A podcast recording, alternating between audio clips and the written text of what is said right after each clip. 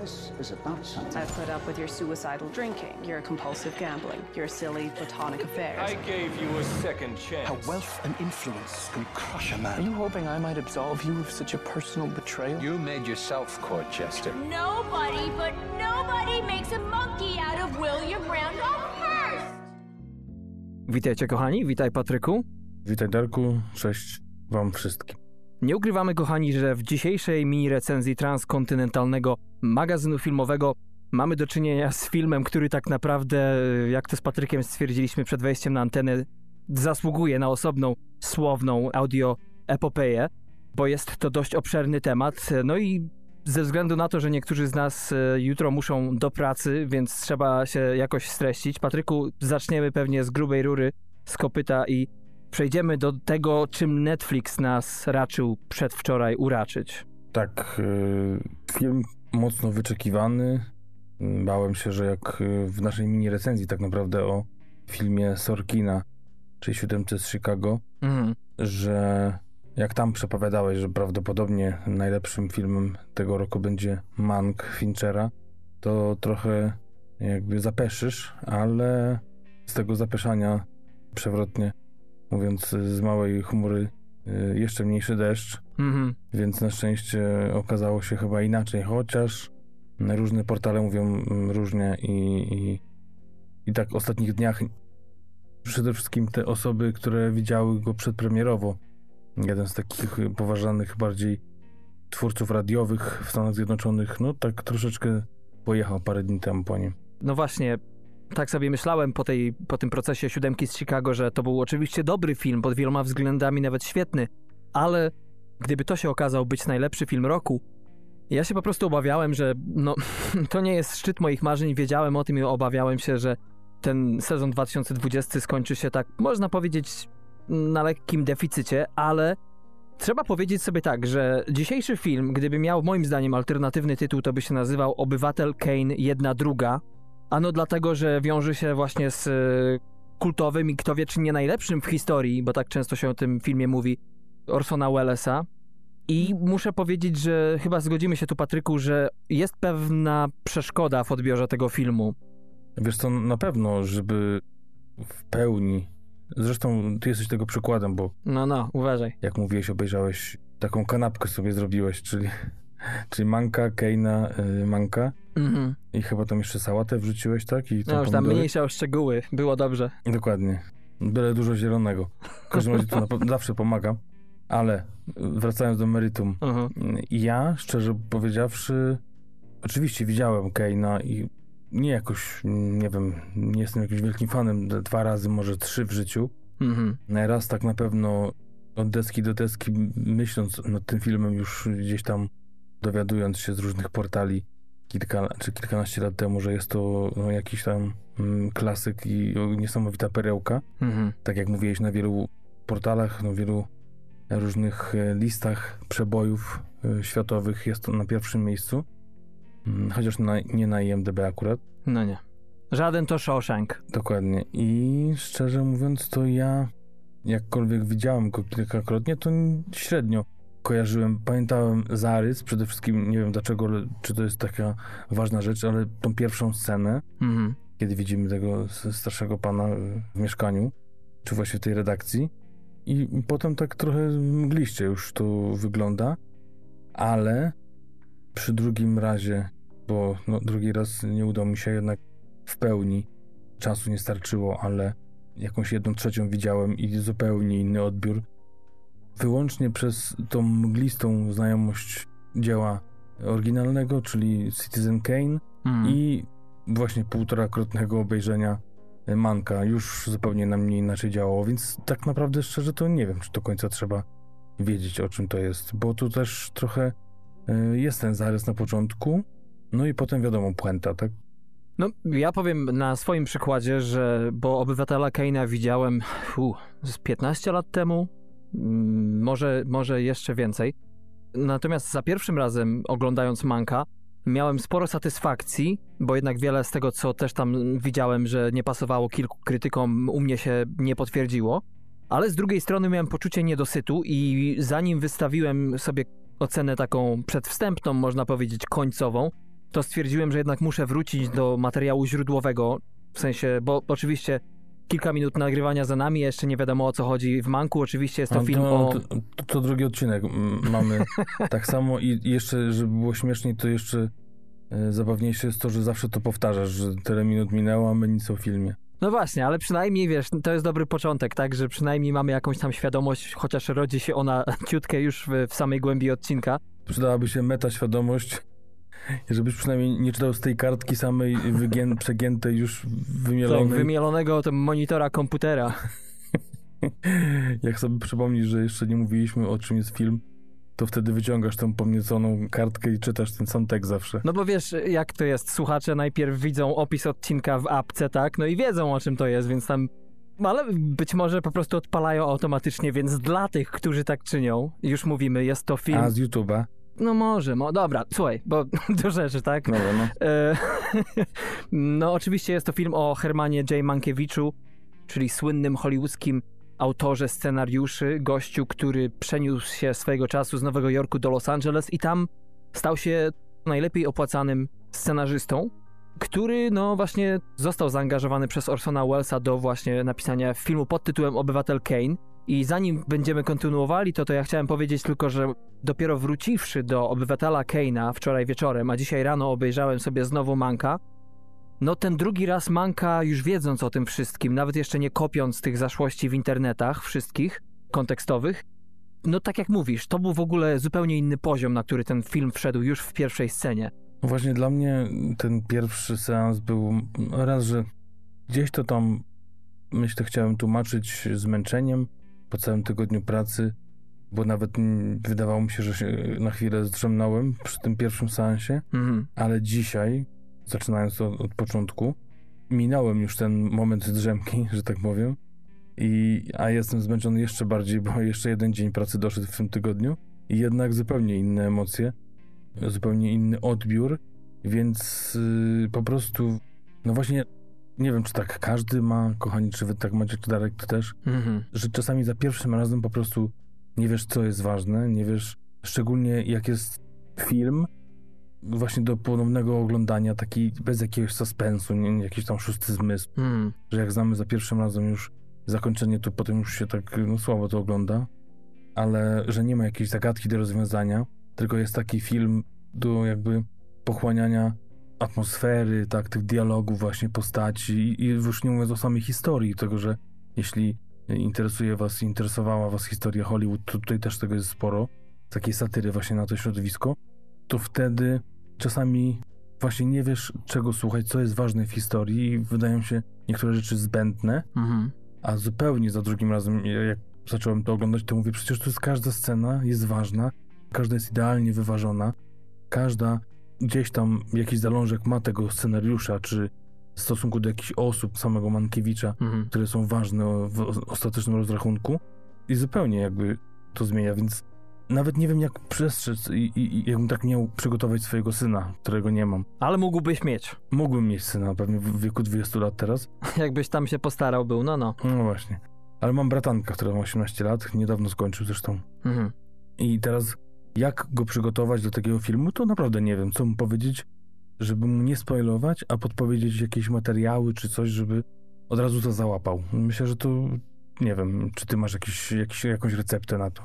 Dlatego wydaje mi się, że powinieneś powiedzieć swojemu bratankowi, żeby przesłuchał ten odcinek, no bo tutaj będziemy się starali wam zaoszczędzić czasu. Jeżeli nie macie okazji, czy nie macie czasu, czy nie chce wam się obejrzeć filmu z 41 roku, czyli Obywatel Kane Orsona Wellesa, no to po to jest ten podcast, bo raz oczywiście, że tutaj Patryku to co powiedziałeś świadczy moim zdaniem o wielkim kunszcie Finchera, Davida Finchera oczywiście, słynnego hollywoodzkiego reżysera, który nakręcił ten film, to jeszcze o tym powiemy na podstawie scenariusza autorstwa swojego nieżyjącego już ojca, Jacka.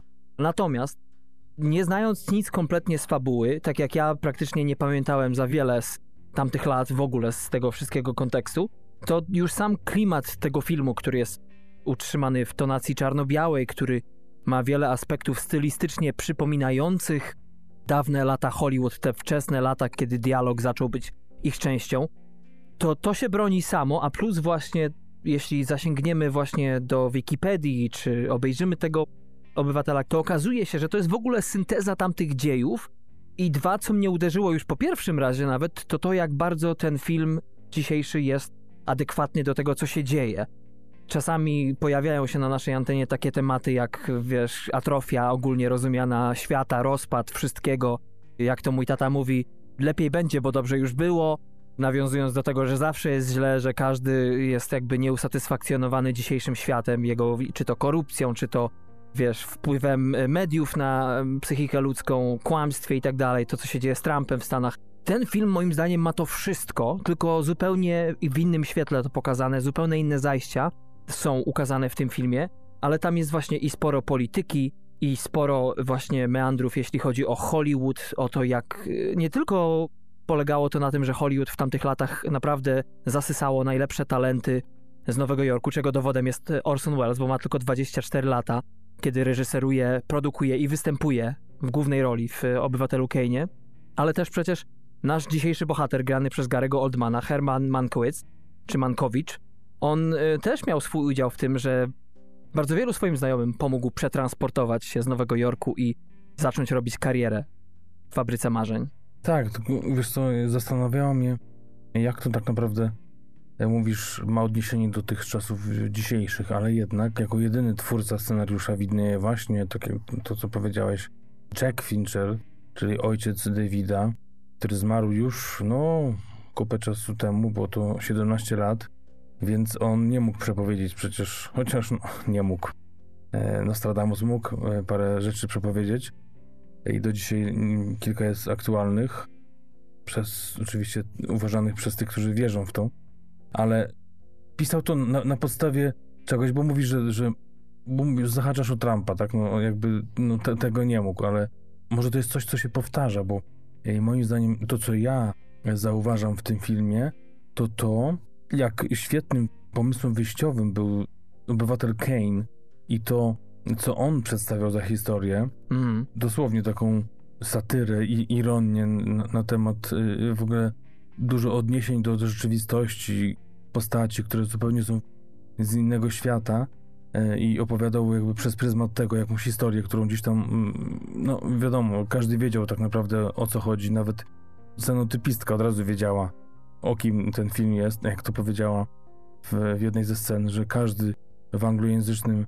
świecie będzie od razu wiedział, o kim piszesz, o kim jest ten film, chociaż to w ogóle nie jest ten zawód, nie jest ta sama postać, ale przez to, że to jest taki symboliczny tak naprawdę film, to też się przenosi na to, że takim symbolicznym filmem jest właśnie ten Mank sam. Tak, tak. No wydaje mi się, że przede wszystkim o czym trzeba wspomnieć, to o tym, że obywatel Kane, głównym bohaterem tego filmu, jest, e, tak jak teraz wspomniałeś, każdy wiedział o tym, że był William Randolph Hearst, czyli baron medialny, pierwszy tak naprawdę z tych wielkich, który kontrolował całą prasę w Kalifornii, ale w swoich latach świetności bardzo wiele przeróżnych rozmaitych pism. I to odniesienie do czasów współczesnych i Trumpa to nie przede wszystkim nie odnosi się do jakiejś tam poszczególnej osoby czy samego Trumpa, ale w ogóle do pewnych mechanizmów i scenariusz e, Finchera, który tutaj mamy zekranizowany przez jego syna, nie tyle przepowiada, co jest tylko dowodem na to. Oczywiście trzeba też powiedzieć, że ten scenariusz jest lekko naciągnięty, to nie jest de facto kronika, e, nie trzymają się tam strasznie dat czy innych rzeczy, ale mimo wszystko bardzo wiele tych rozmaitych, ciekawych zaszłości, które wtedy miały miejsce właśnie w trakcie powstawania scenariusza do Obywatela Keina, to są rzeczy, które się rzeczywiście działy, te interakcje, te konflikty i tak dalej, interesów przede wszystkim. I ten film pokazuje, że generalnie ten Randolph Hearst, co widzimy w Obywatelu Kane'ie, to był facet, który przetransformował dziennikarstwo amerykańskie. I tak naprawdę od niego zaczęła się ta era bulwarówek, sensacji, kiedy nie fakty tutaj grały rolę, a yy, po prostu uczucia, co też y, często obecny w dzisiejszym filmie Louis Mayer, czyli jeden z właścicieli MGM-u słynnego, współzałożyciel, on często mówi właśnie o emocjach, że trzeba wiedzieć po prostu jak sprzedać to, co chce się powiedzieć, z odpowiednimi emocjami, a ludzie to kupią. I tutaj jest jakby jedna z wielu rzeczy, która się pokrywa z dzisiejszymi czasami. Tak jak w tym filmie, tak i dzisiaj też zastan- no dzisiaj to nie, bo pandemia, ale przed pandemią też się zastanawiali, jak to zrobić, żeby tych ludzi sprzed Netflixa z domu do kin znowu zaprosić. Podoba mi się bardzo tekst, który pada, że najlepiej po prostu ustawić ekrany na ulicy. Tak, tak. Y, Znaczy wiesz, może jacyś tam wielcy kina, nie wiem kto to tam ostatnio się wypowiadał przeciwko tym gigantom streamingowym, oni może mają za złe i chcą właśnie wyciągnąć ludzi do kina, ale jednak są przecież rekordy co roku, jeśli chodzi o sprzedaż biletów na całym świecie w, jakichś tam miliardach chorych y, kwotach liczone. Mhm. Przebijają to co roku tak naprawdę, więc ciężko powiedzieć, że tutaj, no do czasu oczywiście tej wspaniałej przez ciebie pandemii, coś się źle działo. Po prostu te rynki jakoś razem współpracowały i, i chyba nikt za bardzo nie tracił. To znaczy tracisz na Netflixie kasę, nie? Bo tak jak na Spotify podobno wszyscy tracą. Jak coś jest właśnie jako subskrypcja, to cztery litery zbite, ale Wiesz, twórcy myślę, że swoje zarabiają, tak?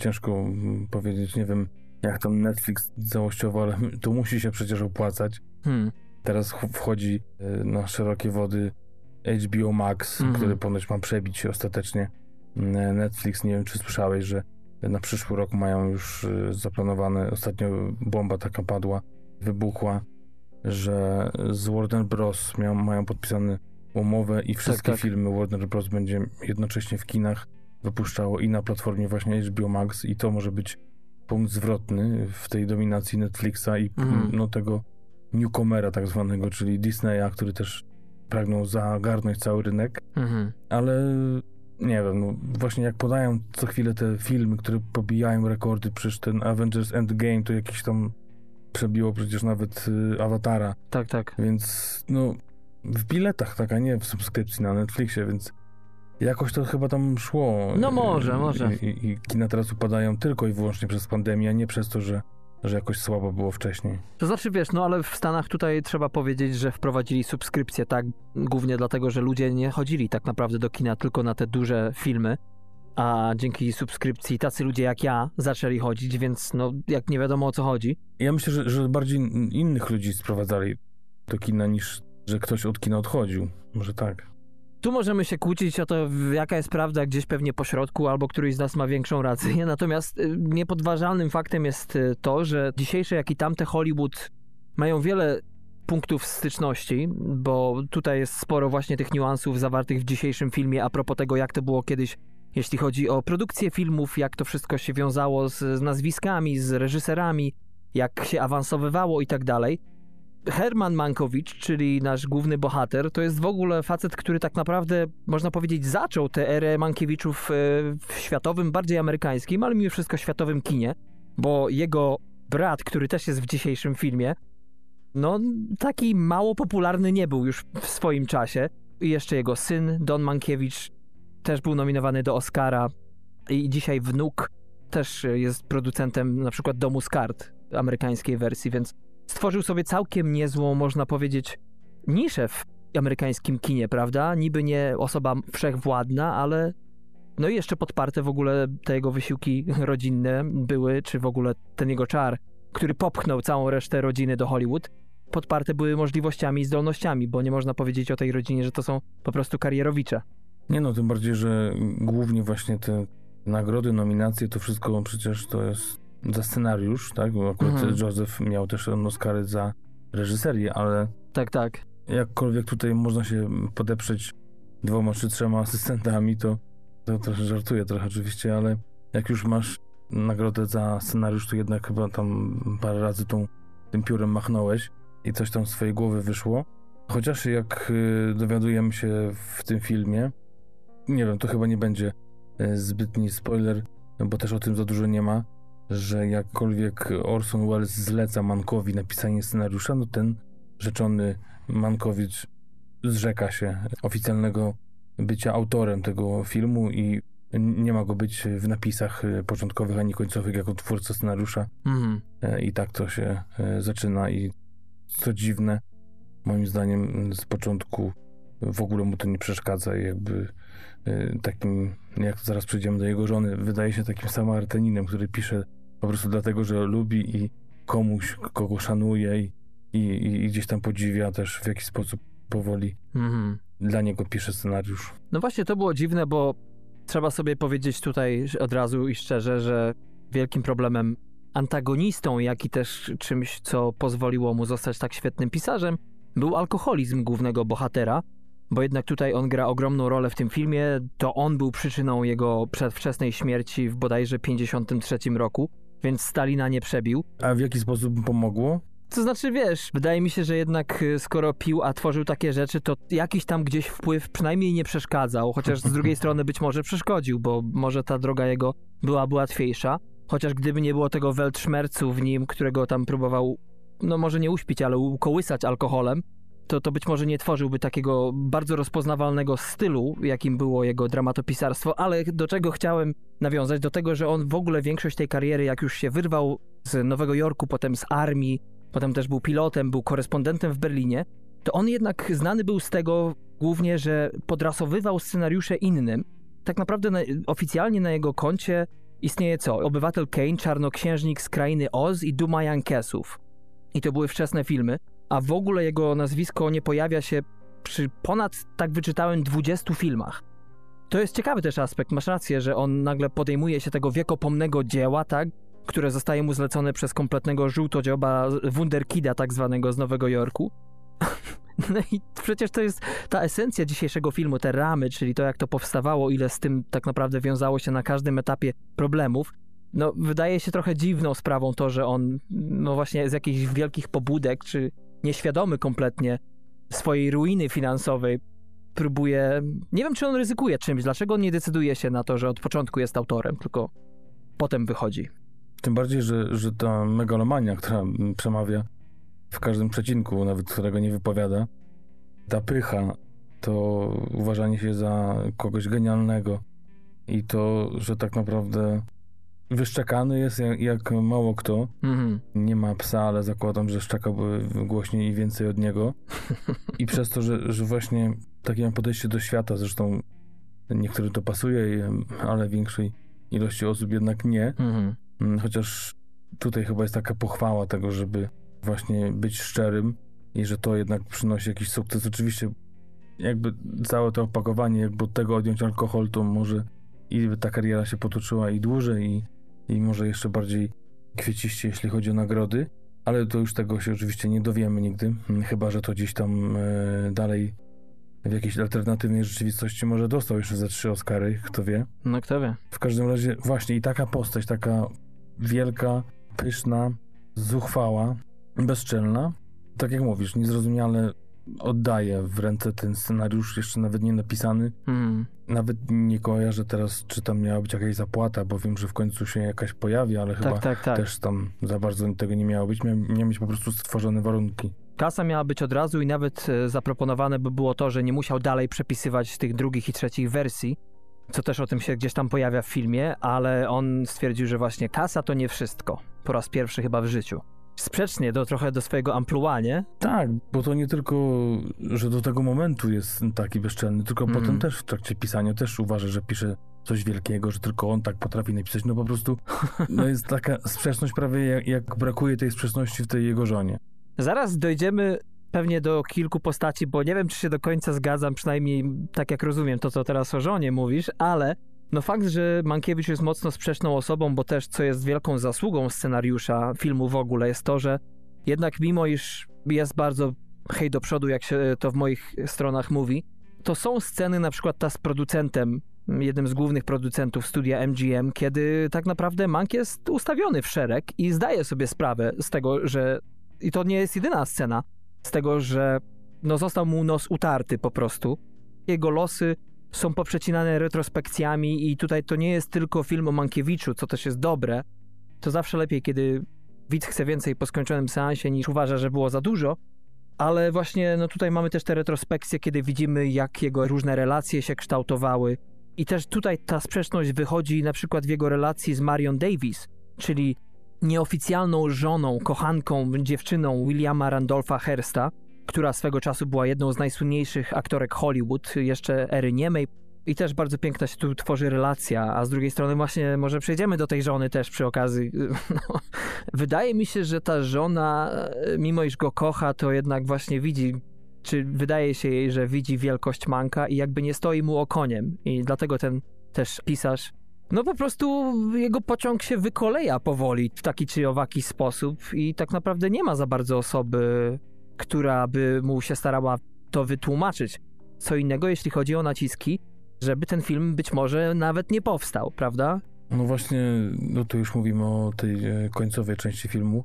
Ja jeszcze bym tutaj jednak cofnął się do mm, tego, co mówisz i jego relacji z tymi szefami swojej wytwórni. No wiadomo, że koniec końców y, to nie jest tak, że on jest właścicielem jakiejś wytwórni, że on jest szefem jakiejś firmy, tylko pracuje dla kogoś. Tak, tak. Więc chociaż pozory musi stwarzać, że jest y, usłużny, że jest potulny y, chwilami, y, nawet pokazywać, że nawet nad nim można zapanować, żeby złudnie pokazać tą wyższość swojego szefa nad nim, bo tu, moim zdaniem raczej wrażenie robi takie, niż faktycznie taki jest, a jak znam wiele przypadków ze swojej branży, ludzi, którzy mają niesamowity talent do inżynierii, w ogóle do tej pracy, którą ja wykonuję, a są na niskich stanowiskach, to można powiedzieć tak w ciemno, że czterech na sześciu ma jakiś problem, jakiś nauk, ma jakieś długi Hmm. i po prostu oni raz, że są świadomi tego, że w pewnym momencie, jeżeli będą odpowiedzialni za, za dużo rzeczy, po prostu sobie nie poradzą i po prostu poniosą porażkę, a z drugiej strony wolą taką swobodę, tak? Mam też kolegę po studiach, po trzech fakultetach, pracuje jako zwykły mechanik, bo po prostu lubi zamoczyć kieliszek w drugim kieliszku e, tak naprawdę codziennie i, i on gdzieś tam podświadomie czasami wychodzi, że, że chciałby coś więcej, ale no nie może, tak po prostu ma tą blokadę. Myślę, że tutaj też, to oczywiście nie było pokazane, ale może to jest też jakiś ten dysonans w nim, że wydaje się, że taka postać właśnie powinna być szefem studia, tak nawet sobie piszącym szefem studia, ale po prostu kimś wielkim, któremu nawet zostanie zaoferowane prowadzenie czegoś takiego. Wiesz co, bardzo tutaj znamienne dla mnie jest to, co mówi ten wspomniany już tajemniczy ów producent MGM. Chyba to był producent, o ile dobrze pamiętam, czy jeden z właśnie z głównych jakby podwładnych szefa studia, który mu wyjaśnia, dlaczego takie on sam ma podejście do biznesu, że on jednak przychodzi tutaj za kasa rękawy i robi to, co trzeba, a nie przychodzi, wymądrza się, sypnie żartem, nie traktuje tak rzeczywistości, tak jest łatwiej zrobić coś. Ja zastanawiam się, czy w Manku po prostu nie było przerostu nie tyle treści nad formą, tylko w ogóle i treści, i formy nad y, zdrowym rozsądkiem, bo jednak raz, że sobie nie radzi i dlaczego, gdzie tam, jaka rana powstała kiedyś, to już oczywiście jest Ale osobne. Manku, e, Darku, bo chodzi mi o to, że, że e, jakby sprecyzujmy, tak, że mówimy o osobie, a nie o filmie, bo trochę zacząłeś, to brzmiało jak problem z filmem. Tak, tak. Nie, no natomiast chodzi o to, że wydaje mi się, że on nie jest po prostu stworzony do bycia szefem. On musi być wolnym elektronem, Tak. a takie osoby nie osiągają sukcesu. Nie wiem, czy on o tym wiedział, czy nie, ale no i rzeczywiście bawi się formą. On to uwielbia, zresztą pada w filmie też takie stwierdzenie. William Randolph Hearst bardzo go polubił, nie tyle jego sposób pisania, co sposób mówienia. Chociaż też y, no, często traktują go jako pośmiewisko, można powiedzieć, takiej łatki też się dorobił w swoim środowisku. To jednak to była osoba na tyle barwna, że ją trzymali tam. Może tutaj to na tym polega, bo ja na przykład z kolei nie mam wrażenia, że on próbuje jakieś mieć tam stwarzać pozory tego, że jest kogoś obdarza wielkim szacunkiem. Kilka osób na pewno tak, a zresztą Holender wie, bawi się nimi, pozwala sobie za dużo, bo no co, i tak do piachu, i tak do piachu. Wiesz co, Darku, powiem tak, to jak ten film się kończy, na czym zasadza się fabuła obywatela Keina, pokazuje, że chyba szacunku to nie miał do nikogo. Może do kobiet. I to też nie wszystkich. A do naszej Amandy Seyfried? No właśnie chciałem powiedzieć, właśnie powiem ci tak, chciałem powiedzieć, że do kobiet, a potem przypomniałem sobie żonę, którą nawet nazywał bardzo słabo. Po żydowsku. Sznuc. Tak, więc, więc y, szanował na pewno kobiety, chociaż nie wszystkie, a chyba najmniej żonę, która i tak, tak jak Darku mówiłeś przed wejściem na antenę, pozostaje, przynajmniej w tych scenach, które pokazują Samarytanką, taką w 100% oddaną swojemu mężowi, nie wiem, misji, rozumiejącej jego wielkość. Może tak, ale Ja nie wiem, czy to był brak szacunku, a po prostu korzystał z tego układu, jaki zawarli, nie wiem, niepiśmiennie, wiesz, z żoną. Ale to już nawet to, jak on właśnie do niej mówił, jak cały świat filmowy mówił o tym i sobie drwił po prostu z niej, tak więc... Nie wiem, wiesz co, powiem ci szczerze, to znowu będzie, nie wiem, czy kłótnia, ale mi się zdawało, jak on mówił o niej, biedna Sara, to mi się wydawało, że on po prostu ironicznie to mówił, że, że on mimo wszystko w taki sposób potrafił tylko i wyłącznie przekazać, że on jest po prostu, wiesz, kulą u nogi dla niej. I że wszyscy tak na nią mówią, a on wie dlaczego. Nie wiem. Słuchałem ostatnio takiego podcastu i było na temat związków i było o tym, że Ojej. nie, nie, nic, nic, nic za, za bardzo głębokiego, także nie bój się, raczej postaram się, żeby się nie rozkleił, przynajmniej nie przeze mnie w dzisiejszym odcinku. A ty wiesz, jaki ja mam stosunek do tych tematów. I tam ciekawe stwierdzenie padło, że ludzie lubią rozmawiać o swoich związkach, ale na zewnątrz, a nie ze sobą. Mhm. No bo jak ja mogę mu powiedzieć, że ja chcę to, albo że ja robię to? Raz, że on musi się domyśleć, a dwa, to jakby nie wypada, tak? Zresztą też, to już tak trochę żartem mówiąc, bo już do przesady zaraz się rozrośnie ten odcinek, ale ktoś przytoczył też statystyki, które może nie mają związku ani z filmem, ani z niczym, tylko po prostu No. były w tym wywiadzie, że Aha. w badaniach wyszło, że 40% par w Polsce nie widziało się nago przy świetle dziennym. Ale to koniec tematu.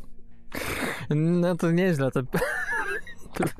gdzieś pod kołem biegunowym ta Polska leży.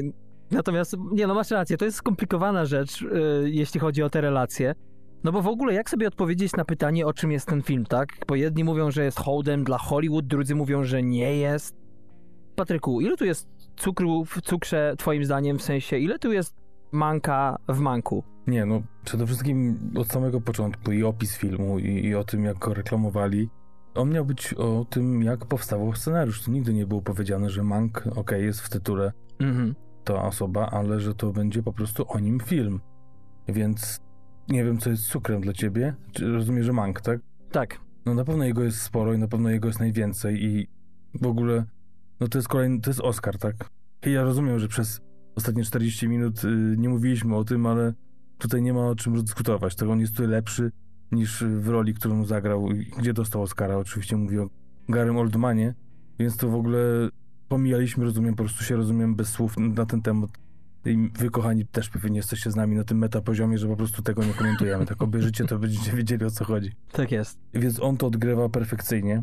I to każdy mini gest, to jest rola dla niego po prostu stworzona. Mhm. Tak jakby się wydawało, że ta wcześniejsza była dla niego. Nie, ta jest dla niego. I nie kryje się tutaj przede wszystkim pod toną makijażu i prostetyki, prawda? I wiesz co jeszcze? Wydaje mi się, tak pomyślałem sobie, że No. ten aktor ma już ponad 60 lat, ale on jednak chyba się ruszał tak trochę żwawiej. Mhm. Że on jakby nie wygląda na 60-latka, tylko ja nie mówię, że on jakby sztucznie, tylko nie wiem, czy on może ma dalej tą gibkość, bo wiadomo, że jak grał y, Churchilla, to grał starego, opasłego. Oj, ale tam nóżki, to pamiętasz mój odcinek? Tam ruszały mu się też tego dolna połowa tego cielska. Ale właśnie dobrze, że powiedziałeś cielska, bo tutaj Mm. możemy kończyć temat, tak? No tak. A tutaj jest swojej kubatury, myślę, może troszeczkę przytył. Mhm. Wiadomo, że to nie są czasy Leona zawodowca, ale gdzieś tam ten brzuszek ma, ale jednak to ciało się rusza, bo tak sobie porównywałem do Irlandczyka, wiesz, że Mhm. tutaj jednak grał 20 lat młodszego faceta. No tak. I, I nie było tego dysonansu. Jak tak sobie przyglądałem się innym przeruchom, takim prostym ruchom głowy czy rąk, Mhm. to wszystko jest takie szybkie, mocno skoordynowane, prawie jak, jakbym to był ja. No tak, no. Dokładnie. Tylko, że wiesz, no tutaj akurat Gary Oldman ma, jak mówiłeś, 62 lata, grał 43-latka, no podobnie się ruszacie, ale ty, musiałbyś tutaj gościa w kołysce grać, jego dziecko lekko obrośnięte na twarzy, bo takie też geny, ale, ale rzeczywiście Oldman mimo tych swoich 60 lat na karku, mimo tej gibkości i tak dalej, ale no mimo wszystko wygląda nie za super sportowo w tej roli. Wydaje mi się, że specjalnie po prostu, bo ten gość, czyli Mankiewicz, nie wylewał za kołnierz. I tutaj to jest właśnie to, że ciało jest spite, zmarnowane, tak, pet od peta odpalany, natomiast jednak jak już tam się obudzi i łyknie łyka kawy, tudzież klina, wbije, no to tam wiadomo, od razu, nie, w sandał.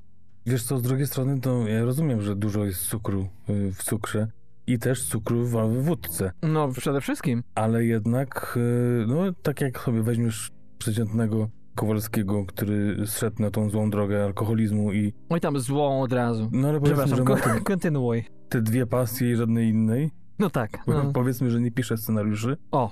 to jednak to jest osoba szczupła, tak? Mhm. Tak jak sobie pomyślisz, a nie taka opasła, więc nie widać tego, albo widać tutaj faktycznie, ile tego cukru może być w wódce, ale żeby on jakoś się obiadał, to Nie, nie, nie, tego, nie. tego nie widać. Nie? No tam nawet wiem, z tego co pamiętam, to ledwo tę rybę y, tam w jednej scenie ruszył, natomiast, więc w ogóle tam nic nie jedli. A nawet przewrotnie powiem i trochę żartobliwie, że chyba więcej na ekranie zwrócił niż zjadł. O, no i to się tutaj zgadza akurat rachunek. E, No, to jest rzeczywiście bardzo ciekawy film, bo Fincher w ogóle to jest reżyser, który lubi się bawić formą i to był film idealny dla niego, bo często jest tak, że jak są filmy o jakimś tak zwane biopiki, tak, a to jest jego trzeci w e, karierze. Ostatni to był Social Network z 2010 roku, jeszcze wcześniej e, Zodiac. Natomiast y, biopiki najczęściej po prostu albo coś wygładzają, albo nie dopowiadają. Tak czy siak jest to po prostu miałkie. A tu mamy tak, nie dość, że mamy bardzo ciekawą erę w historii nie tylko Hollywood, ale i Stanów Zjednoczonych, bo to jest przecież, to są lata 30., to jest ta depresja, tam dopiero w trakcie wojny ten kraj dopiero w latach 40. po realizacji dzisiejszego filmu wychodził z bagna w zapaści finansowej.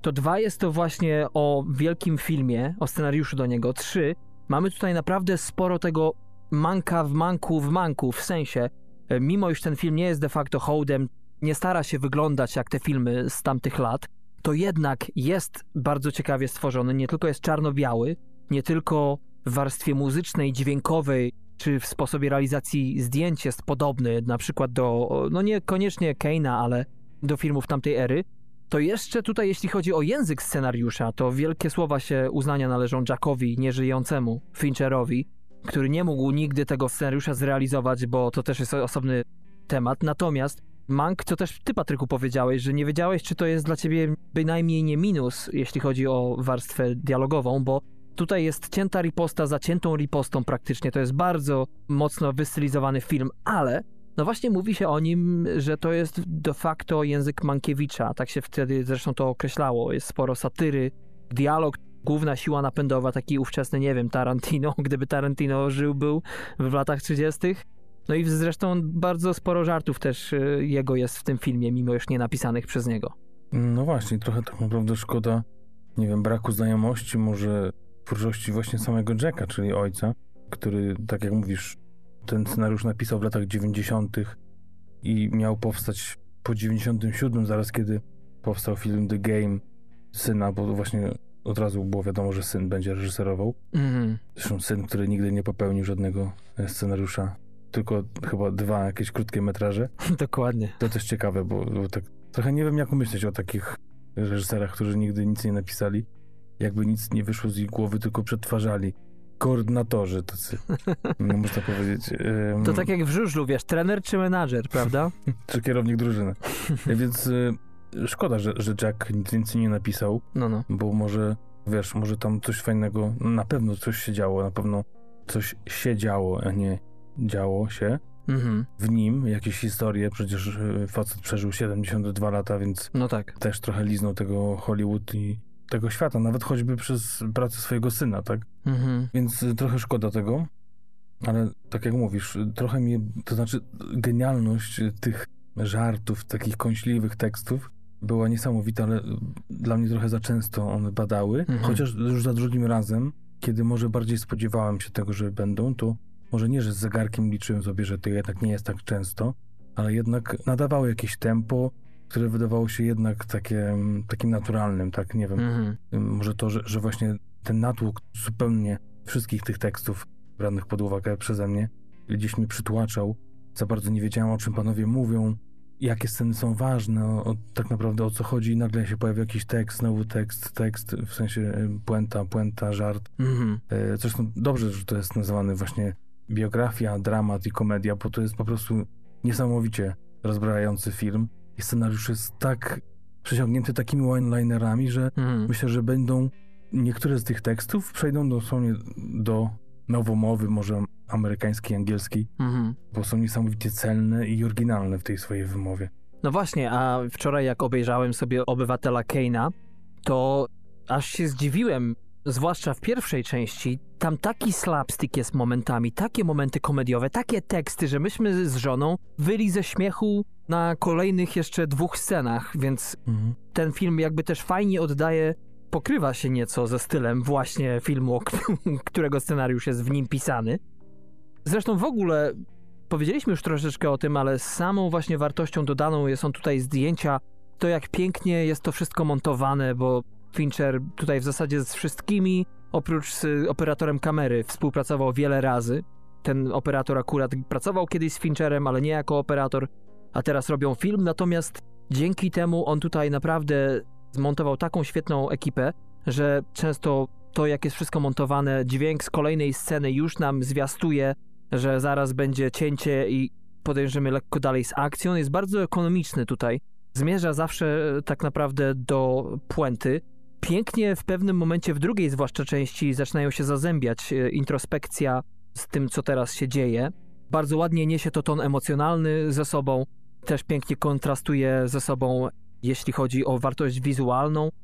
No i do tego dźwięk. Nie wiem, czy oglądacie film właśnie na dobrych głośnikach, tak jak ja, na słuchawkach jakichś dobrych, ale on jest y, raz, że na jednej ścieżce, to dwa jest, ma taki reverb troszeczkę, jakby się to nagrywało w studiu nagrań z lekkim echem i ta przestrzenność tego dźwięku, po prostu jest to podróż sama w sobie, nawet bez tych y, szczegółów wszystkich, o których wam tutaj mówimy.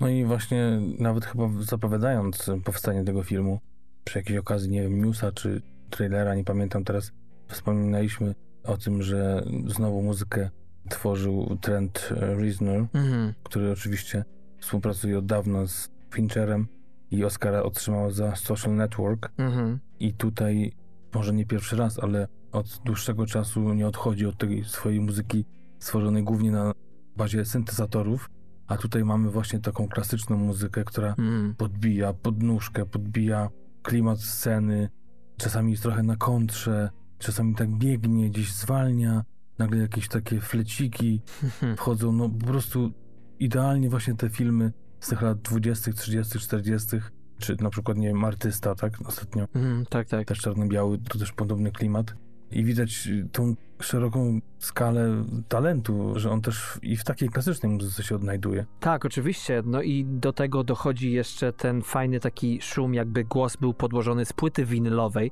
To wszystko po prostu się ze sobą spina. No i mamy też obsadę, o której trzeba wspomnieć, bo oprócz genialnego Oldmana, wobec którego zgadzam się z tobą, że to jest jego rola życia i kto wie, jak tam będzie z Oscarami w przyszłym roku, co jeszcze dojdzie, jeśli chodzi o konkurencję jemu, ale ja tutaj typuję póki co jego, z tego co obejrzałem. Ale mamy też jeszcze no, bardzo wielu dobrych aktorów tutaj. Wspomnieliśmy już troszeczkę właśnie Amandę Seyfried, która moim zdaniem się świetnie, genialnie wywiązuje ze swojej roli y, jako Marion Davis, słynna aktorka amerykańska. Taka tak naprawdę ktoś napisał, jakiś recenzent o niej, że jej postać to jest taka jakby jedyna laurka wystawiona Hollywood. Jest to taki jeden najbardziej sentymentalny aspekt dzisiejszego filmu, bo cała reszta tak naprawdę nie wystawia za dobrej oceny recenzji tamtym realiom, które tak naprawdę no, były okupione wielkimi problemami i zresztą ten film kilka kuksańców Hollywood sprzedaje takich naprawdę dość mocnych, a zwłaszcza na końcu, nie zdradzając. Dla mnie w ogóle ta pani, czyli Amanda, kojarzy się z takimi filmami, które nawet IMDB wypisuje w swojej czołówce, jeśli chodzi o jej najważniejsze filmy, czyli właśnie Mamma Mia, Wciąż ją kocham, Wredne dziewczyny, no, Mhm. no to jest ten klimat, z którym się kojarzy nawet chyba jej stylizacja, jakby takie filmy miała powstawać w tych latach 30.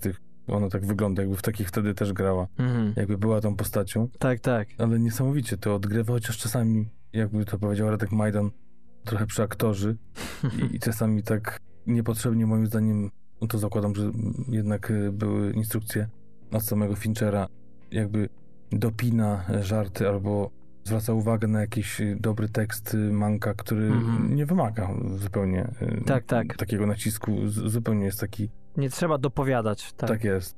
Jakąś miną, gestem, słowem, nie, nie Mhm. wiem po co, czy bardziej tutaj chyba oni chcieli nabudować tą relację między nimi. Tak, taką, tak. Też mi się tak wydaje. pomiędzy wszystkimi, ale jednak to trochę mi nie grało, ale oprócz tego świetna rola i jedna z moich ulubionych, chociaż chyba najbardziej z tego, co kojarzę teraz, poza oczywiście Charlesem Densem, który nie- niesamowicie wciela się w tego e, Hersta, Mhm. ale to jest taki ojciec rodu, taki no nie dość, że on jest stary, to jeszcze jest wysoki, wielki, no taki No taki senior rodu Lannister, tak? o, o, o, o senior rodu, to mi brakowało tego. To zresztą grał tę postać w Grze o Tron. Dokładnie. To dla mnie perełeczką w niejednej scenie jest Arliss Howard, wcielający się w Louisa B. Mayera. Mhm. Nie wiem, pan ma 66 lat, tutaj gra jakby rolę, nie wiem ile tak naprawdę Mayer wtedy miał lat, ale jakby miał prawie 80. Tak, tak.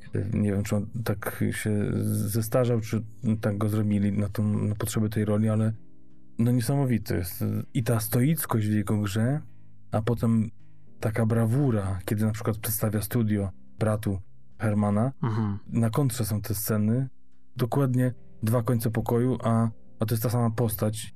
Może nie tyle, że kradł każdą scenę, ale przynajmniej co drugą. Dokładnie. Gdzieś tam mi śmignęło kilka razy, że akurat postać Louis Mayera, współzałożyciela MGM-u, nie została do końca wiernie odtworzona, tu przepięknie zagrana. Powracając do Charlesa Densa, czyli głównego pana Lannister, no to tu jego postać nie dość, że jest genialnie zagrana, bo ten stosunek Manka do niego, który ewoluuje, można powiedzieć, fragmentarycznie, ale jednak w trakcie dzisiejszego filmu, Potem jednak dochodzi tam między nimi do, można powiedzieć, no dosyć takich na ostrzu sytuacji. I to, jak aktor był w stanie oddać po prostu. Mi się wydawało po prostu, że tam jest tyle jakiegoś wewnętrznego bólu i to jest tak wszystko pod przykrywką trzymane, że aż, aż mnie nie ściskało za serce. Natomiast z nim, z e, postacią graną przez niego, czyli Williamem Randolphem Herstem, jest związany mój najlepszy moment w całym filmie. Bo tu może przejdźmy do takich scen, które chcielibyśmy wyróżnić, czy tekstów. Pamiętasz, Patryku, przypowieść o kataryniarzu? Właśnie nie wiem o czym też powiedzieć, ale jak pojawiła się pierwsza wzmianka o tej przypowieści i potem jeszcze drugi raz, Mhm. mówię, no nie. I film się skończy, ja po prostu będę musiał to wygooglować. ale kochani, wytrzymajcie do końca, chociażby z tego powodu, żeby usłyszeć tą historię. No i ta historia, to co w sobie ma, tak naprawdę wydaje mi się, że jest, nie wiem czy podsumowaniem filmu, natomiast zawiera tyle prawdy w sobie, w sensie jest to tak głęboka esencja tego, co mogłoby powstać po jej rozpakowaniu, że właśnie nie wiem, czy nie ma więcej tutaj cukru w cukrze w tym, niż w całym filmie tak naprawdę. Tak po prostu zrobił mi ten tekst, tak przysiadłem aż po nim, jak już się dowiadujemy, o czym ta przypowieść jest. I jeszcze kontekst w ogóle, w którym jest to wypowiedziane właśnie przez Charlesa Densa, przez postać przez niego graną, to miażdży podwójnie moim zdaniem, wiedząc, można powiedzieć, troszeczkę więcej kontekstu też na temat tej postaci, nie? Dlaczego wtedy to było aż tak ważne? E, Dokładnie. I te, takich zresztą porównań, takich też historii jest więcej, a wszystko właśnie trafia idealnie. Tak naprawdę każde takie podsumowanie ostatecznie ma nawet ma nie jedno, a dwa, a czasami nawet trzy dna. I gdzieś tam trzeba by właśnie kopać. Właśnie pewnie oglądając właśnie obywatela Keina, czy przed, czy po, czy, czy potem jeszcze raz, tak jak Darek, zrobić sobie tą kanapkę. Kanapkę z Kane'em. No właśnie. Więc tam też moim zdaniem się wiele rzeczy kryje, chowa. Zresztą patrząc nawet po liście osób, które grały, próbowałem znaleźć nazwisko Fräulein Frida, czyli masażystki Manka, która też e, genialnie odgrywa swoją rolę i znalazłem takie postaci, których w ogóle nie kojarzyłem, że był tam Charlie Chaplin, Tak, tak. czy Betty Davis, nawet nie wiem, w którym to było momencie. Susan Hayward chyba tam jeszcze była. Kończąc tak temat tego filmu, o czym on opowiada, to wydaje mi się, że też głównym atutem jest tego, że tam nie ma tak naprawdę wielkich właśnie nazwisk strasznie, oprócz oczywiście kilku osób, ale że też sporo jest tego tej niższej klasy. Też tutaj jest y, motyw kapitalizmu, socjalizmu przecież, który przewija się nie tylko jeśli chodzi o strukturę samej firmy, w sensie mamy tutaj ludzi, którzy za dolara grali dziennie, tak, cały dzień spędzali jako statyści, mamy wielkich prezesów, którzy mówią o cięciu kosztów, bo, bo jest recesja. Chociaż co ciekawe, Mhm. moim zdaniem bardzo ciekawe, teraz tak myślę z perspektywy całego tego filmu, że w ogóle nie pojawia się żadna aktorka czy aktor, nie wiem, który będzie walczył o rolę w tym filmie. Mhm. W ogóle jakaś wielka postać oprócz tej Davis, która no, przewija się, ale to też z innych względów, raczej z tego powodu, że jest żoną, czy, czy właśnie tą konkubiną kogoś, a nie, że tam gra w jakimś filmie. Nie jest nic powiedziane o tym, że ona jakąś karierę robi. W ogóle nie mamy tego świadka aktorów tutaj zupełnie. Powiem ci szczerze, że tak sobie myślę o tym, że to być może jest dlatego i tutaj też y, nawiązujemy w końcu do żony głównego bohatera Sary Mankiewicz, że tak naprawdę dlatego tutaj mamy postać Davis graną przez Amandę Seyfried, bo ona, z nią jest związana kontrowersja, czy jedna z postaci w Obywatelu Kane'ie była de facto, skoro Hearst to ma być y, pierwowzór Kane'a, a ona była przecież jego jakby drugą partnerką w życiu, w realu, jaki to ma miejsce w Kane'ie, I dlatego być może nie ma tutaj miejsca strasznie na tą Sarę, bo po prostu ten film jest o obywatelu Kane'ie jakoś tam, a jej jakby wątek mało się z tym głównym wiąże, nie? Who knows?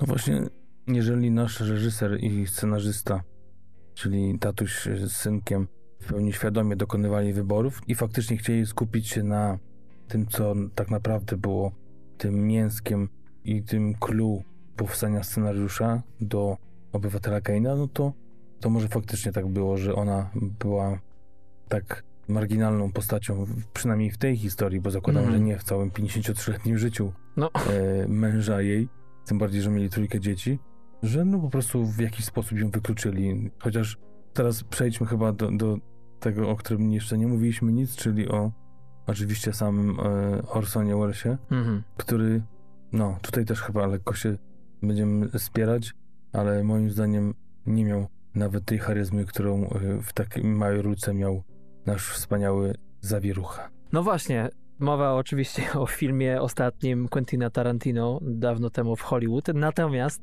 też, y, Patryku, do momentu nagrywania dzisiejszego podcastu byłem w tym samym obozie co ty, że chłopak, czyli Tom Burke, brytyjski aktor w roli właśnie Orsona Wellesa, mocno charyzmatycznego bądź co bądź twórcy, nie popisał się, ale przeczytałem sobie w jednej recenzji taką oto myśl, że tam krytyk y, oskarżał scenariusz o to, że nic mu nie dali tak naprawdę, bo jest taki dziwny przeskok, kiedy jest ta, dzieje się scena, o której mówimy, w której ten aktor, ta postać nie domaga, że nagle to y, jakby dzieje się bardzo sztucznie, że aktor nie dostał dobrego mięska, żeby nim rzucać. Ja jako aktor sam nie wiem, czy się z tym zgodzę, bo moim zdaniem można by było poprowadzić tę scenę inaczej, żeby tam nabudować lepiej to napięcie, żeby ten Orson Welles jednak jak krzyknął, to żeby tam wszystko drżało, a nie tylko teoretycznie.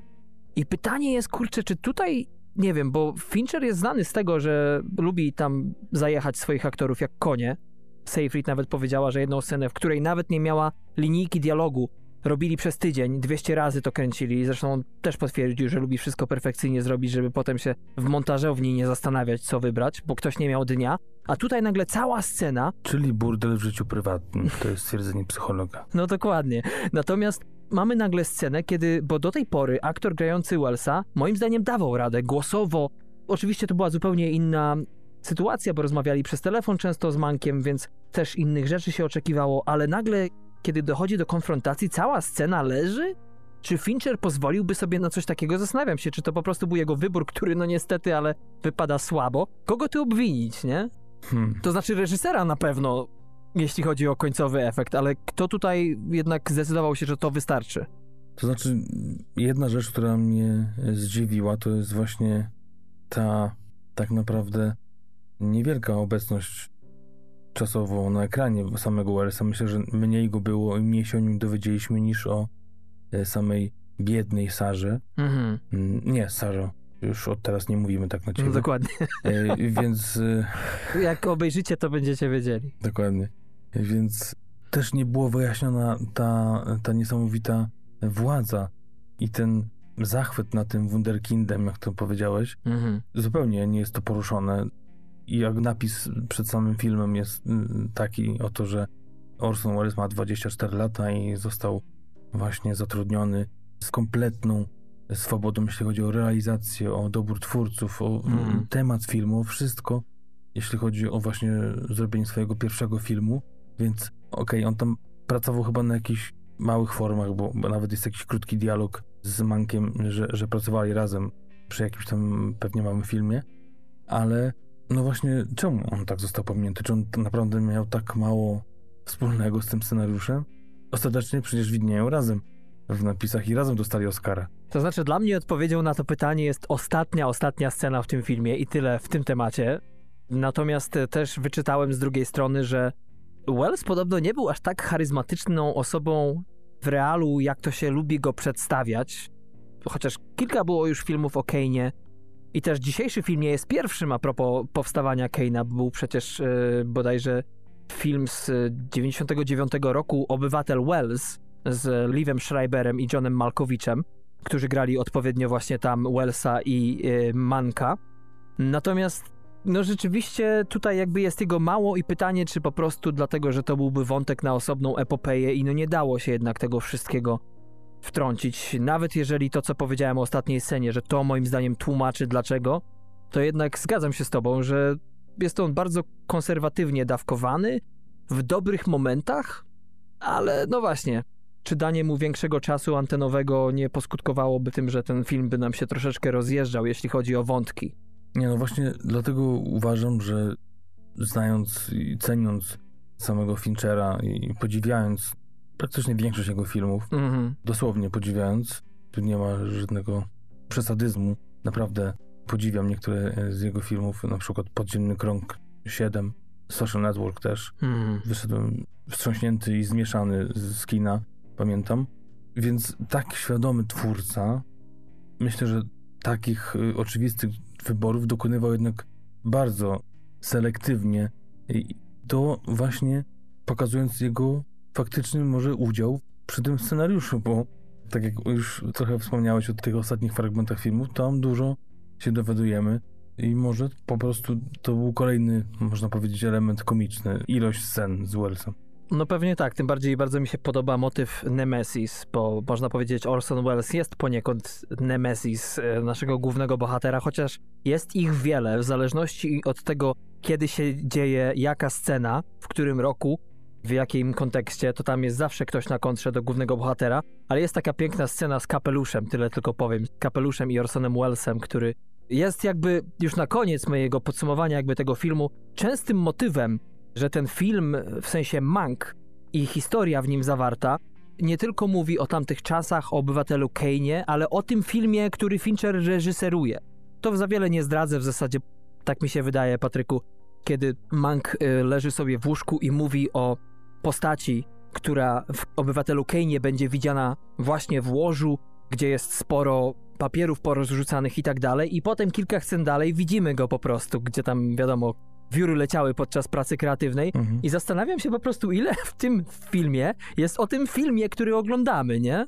No właśnie dlatego chyba, pomimo mankamentów, które może za chwilę wymienimy, bo kilka może y, już padło, ale tak może usystematyzujmy te minusy zaraz, to jednak tak jak do roli Oldmana na razie chyba nikt się nie umywa, to tak samo do tego filmu. Jeśli przyłączając się do całego tego chóru krytyków, najlepszym filmem do tej pory to był Proces Siódemki z Chicago, to, to ten przebija go chyba przynajmniej o pół głowy.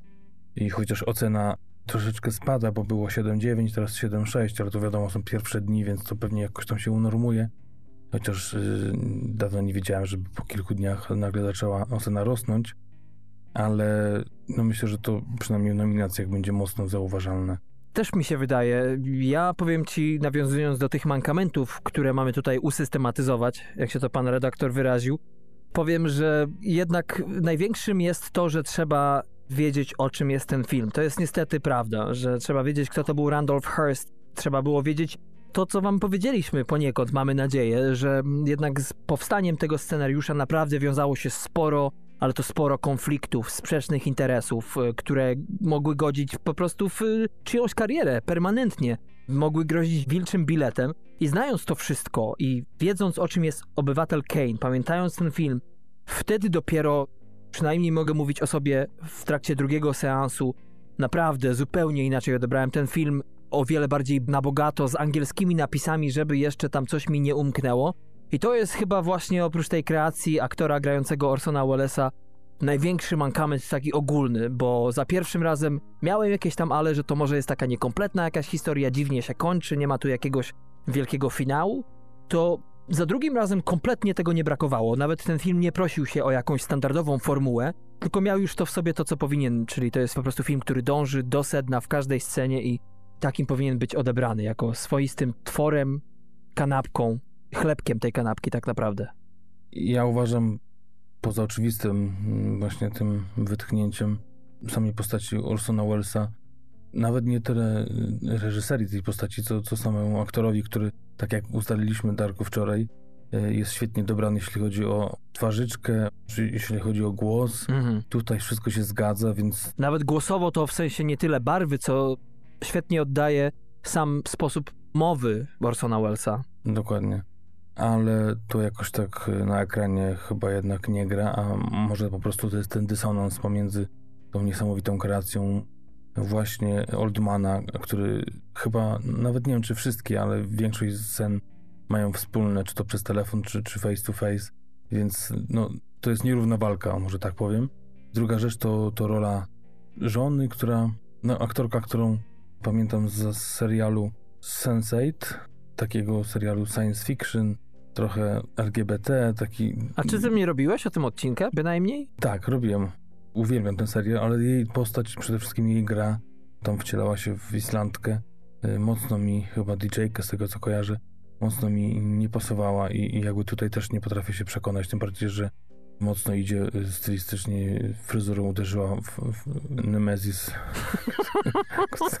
Bo Patryk ma aktorów, których lubi, a których lubi trochę mniej. I teraz, Darku, bo ja nawet specjalnie chyba mój, moja podświadomość... Carrie Mulligan? O właśnie, podświadomość nie, pozwala mi zapamiętać dokładnie, jak się wymawia jej nazwisko. Już musisz nie lubić. Ale patrz, Divera znam. No tak, z drugiej strony. Ale to on wiesz ostatnio wszędzie. Darku, powiedziałem Divera. Dobra, nieważne.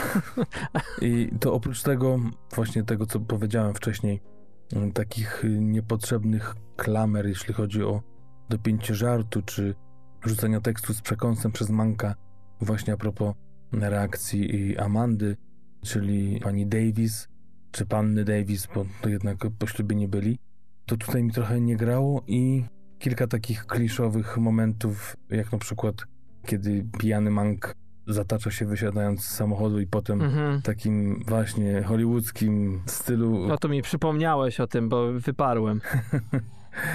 kładzie się na, na stertę walizek i też moment, kiedy jego osobista stenotypistka, kiedy ona w pewnym momencie wchodzi do jego pokoju i zastaje go śpiącego, to chwilę przed zawahaniem tam też robi taki gest mocno teatralny. To mi tak trochę za Mm. śmierdziało taką zbyt mocną reżyserią, chociaż może to był jakiś tam mały żart i też spojrzenie właśnie w te filmy lat 30., 40., tak jak mówisz, jak ten Kane czasami też się wydaje jednym wielkim kabaretem. No tak. I może kilka dialogów mogło być lekko jednak krótszych. Przynajmniej taką mam jeszcze z tej 3 czwartej filmu, której nie widziałem drugi raz, taką wizję, Mhm. że jednak trochę było przegadane za mocno, ale e, mówię, bardziej to mi się układało za drugim razem. No ale właśnie moim zdaniem już chyba też to się powtarza już u nas w odcinkach, że coraz częściej o tych filmach mówimy, kolejnych, które prezentujemy, że trzeba je zobaczyć dwa razy i trzeba powiedzieć w końcu stanowcze dosyć. Raz i koniec. I ma być dobrze. No może, no może. No, no, aha, no i jeszcze ostatnia rzecz, Mhm. właśnie to, że trzeba się przygotować do tego filmu, żeby świetnie go odebrać za pierwszym razem, bo okej, można raz i wtedy odpuścić, a jeżeli chce się, tak jak Darek pewnie teraz powiesz, zresztą to przewija się w, chyba w tonie twojej Mhm. wypowiedzi przez cały ten odcinek, że, No mam nadzieję. że ja taką nutkę wyczułem, Aha. że, e, że jednak, żeby chcieć, a bardzo prosimy, żebyście, żeby wam się chociaż chciało zagłębić w ten film i spróbować go polubić, nie nastawiać się nie na jak na jeża, tylko czarno-białego jeża zresztą. Tak jest, to to najgorsze. Nieważne. Przecież one w ogóle są czarno-białe, więc No tam właśnie plus. dlatego się zatrzymałem w tym porównaniu. Ja musiałem dopowiedzieć jak Fincher kilka razy. Zaraz się okaże, że ten podcast jest tak naprawdę o tym podcaście. Dobra, No tak. będzie meta, meta. Dobra, koniec. Że trzeba się albo przygotować, poczytać, obejrzeć, najle- najlepiej oczywiście Obywatela Keina, a jak nie, to sobie właśnie dawkować, raz obejrzeć i tak będzie się podobał, bo i tak jest przednia komedia i w ogóle. To już mam déjà vu, bo o jakim to filmie ostatnio mówiliśmy? O jakiejś naszej pełnej produkcji, że też tak było. Trzeba kilka razy odejść, przeprosić się. Wiesz co, nawet Tarantino ostatni, Tak, tak, tak. myślę, że też coraz częściej u nas to się pojawia, więc nie pamiętam teraz dokładnie, co było ostatnią taką produkcją, ale to jest po prostu film dla wymagającego widza i wymaga ten film od nas, więc Mhm. to może być dla kogoś albo challenge, czyli wyzwanie, albo defeat. Czyli porażka w topa, tak jest. A jaką byś ocenę końcową wystawił dzisiejszemu dziełu? To cię przyparłem. Pozwolę sobie dać ocenę na podstawie jednej i jednej czwartej filmu, którego widziałem, więc y, nie poprawiłem sobie jeszcze tej oceny i tak się zatrzymałem. Niestety, no taka jest moja ocena teraz. Dla mnie to jest 13, to jest y, świetne, wysokie 13, które moim zdaniem może być nawet 14,5 z tymi dwoma, trzema minusami, które mogą też gdzieś tam umknąć, chociaż te dwie postacie, które mnie tam bolały, to, to myślę, że, że to akurat nie przejdzie.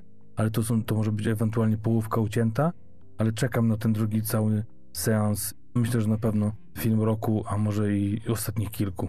No właśnie, a ja powiem ci szczerze, życzę ci tej czternastki i pół, bo dokładnie tam ja się znajduję, to znaczy dopiero lekko się wdrapałem, ale już z tego poziomu to widzę i na pewno trzeci seans się jeszcze szykuje, być może żonę namówię, bo ona też przysnęła na ostatnich 20 minutach obywatela Keina, więc generalnie w ogóle ma w plecy 200% z tego filmu i 20 minut obywatela, ale e, rzeczywiście dla mnie jest to póki co najlepszy film roku, chociaż pracy wymagał więcej niż zwykle, bo aż trzy filmy obejrzałem, żeby go obejrzeć. No i to tyle chyba w zasadzie z mojego podsumowania, Patryku. Jeszcze coś do dodania, czy idziemy spać? Idziemy spać, bo za 4 godziny trzeba wstać. No właśnie. Dziękujemy kochani serdecznie za kolejny raz z nami, za uwagę, mamy nadzieję, niepodzielną. No i co, jeszcze Patryku, do końca roku zostały, o ile dobrze liczymy, trzy odcinki, prawda? Jak się wszystko dobrze ułoży, jak czy to indyk, czy to przepalony kurak nie przeszkodzi na y, stole świątecznym, to dokładnie do końca grudnia będziemy aktywni.